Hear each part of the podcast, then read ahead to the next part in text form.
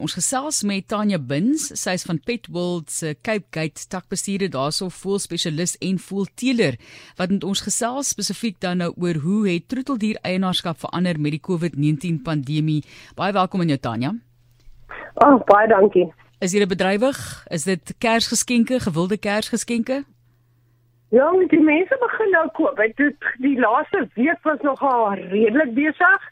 Ek dink almal begin nou opvang, almal begin regmaak vir die Kersgeskenke. So hopelik gaan ons 'n baie goeie maand hê hierdie maand. So hoe ervaar julle sake tans? Hoe het dit verander sedert COVID-19 ons getref het? Ja, dis ons het eintlik baie snaaks gevind. Toe dit begin het die eerste maand was dit baie stil. Toe omtrent seker so 3 tot 6 maande in COVID het mense begin koop. Ek dink mense het meestal uh, omdat hulle by die huis was, het hulle gesien die troeteldiere word so 'n bietjie afgeskeep. Um hulle kort 'n bietjie speelgoed, hulle bed lyk nie te lekker nie tot klere. Die mense het gekoop ja, dit dis iets wat ons eintlik nie sou verwag het nie. So mense het letterlik net gekoop. Um dit het nou agtergekom hierdie laaste jaar tot 6 maande. Het die verkope verskriklik afgeneem. Ek dink baie mense is terug werk toe. Hulle werk nie van die huis af nie en mense se onsekerheid van wat gaan gebeur. So mense koop nie meer soos wat hulle gedoen het nie. Selfs ons ons kos het so 'n bietjie afgeneem. Ehm um, soos ons goeie verkopers soos Akana, Royal Canin, Veg Choice, ons meer ons superieur kos het afgeneem en mense kom in deesdae en hulle vra of ons nie iets kan vervang soortgelyk maar goedkoper. So daar daar definitief goed het verander die afgelope 2 jaar definitief. Van hoogsverkope na baie afname. Kom ons gesels bietjie oor die tipe van troeteldiere. Het dit verander? Wat verkoop meer of wat verkoop minder dalk? Ehm um, kleiner troeteldiere, ons hamsters, ons rotte en dan natuurlik ons handgrootgemaakte babavoëls verkoop verskriklik goed. Ehm um, ek dink mense soek meer daai interaksie Um ek dink die die honde, katte, dis dis duurder om om te onderhou. So jou kleiner diertjies is baie goedkoper. En natuurlik visse ook. Ons vis ons visverkope is redelik goed. Um ek dink dit is iets dis dis redelik baie werk, maar jou jou instandhouding is nie so duur nie. So dink jy ja, dit gaan nou op die ou end ook oor geld en om dinge bietjie makliker te ja. maak?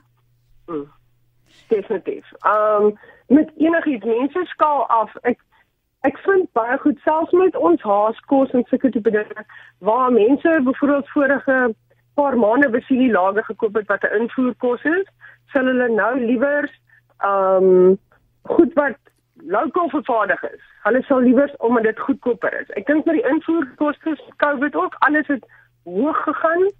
Um so met die euro, die dollar, al daai tipe dinge, ons betaal soveel meer. So as ons meer betaal, ongelukkig moet ons ons pryse opsit. So ek dink dit dit vat in mense se sakke, definitief. So ek weet jy sit nou in 'n posisie as 'n besigheidspersoon aan die een kant en terselfdertyd ook tog 'n diereliefhebber. Wat is jou belangrikste en beste raad vir mense wat dink daaraan om 'n troeteldier aan te skaf hier oor Kersfees? Ehm um, ja, ons hou nie daarvan om troeteldiere te verkoop as kersgeskenke nie. Dit is ons ons vind dit is 'n uh, dis lekker om te hê op daai moment en tot hulle agterkom hoeveel werk en hoeveel kostes daaraan uh betrokke is, dan werk dit altyd nie so lekker uit nie. So ons vra altyd vir alles ons voel verkoop en jou kleiner diere vir die mense gaan lees net 'n bietjie op. Gaan kyk net wat het daai dier als nodig. As jy 'n kat kry, kan jy bekostig om hom veearts te vat. As jy 'n voël kry, kan jy bekostig want hulle eet nie net saad nie. Ons beveel nie saad aan nie. Ons beveel jou jou jou pellets, jou jou meer ges, jou gesonde dieete beveel ons aan. So dis nie altyd dit lyk goedkoop, maar dit is nie. En en ek vind soveel baie ehm um, troeteldierwinkels verkoop nie die regte kosse vir die regte diere nie. Dit is hier op RSG sê vir ons wat jou opinie ook daarvan is. Tanya Bins praat met ons oor hoe troeteldier eienskap vir eienaarskap liewer verander het met die COVID-19 pandemie. Sy's van Petworld daarso by die Cape Gate tak, self 'n voelspesialis en voelteeler. En weer eens is dit maar hierdie beroep wat mense doen op mense om nie net omdat dit nou die oulike ou hondjie is nou maar 'n dier aan te skaf want jou kind skree asseblief dis wat ek wil hê vir Kersfees en dan op die ou end is dit nie iets wat inpas in jou leefstyl in jou beursie, al daai tipe van dinge nie Tanya. Ja, nee definitief. Um as het, ons ons kry baie persone kom in en, en die, die kind sien 'n voeltjie of 'n hamster, is like mamma mamma ek wil hom hê.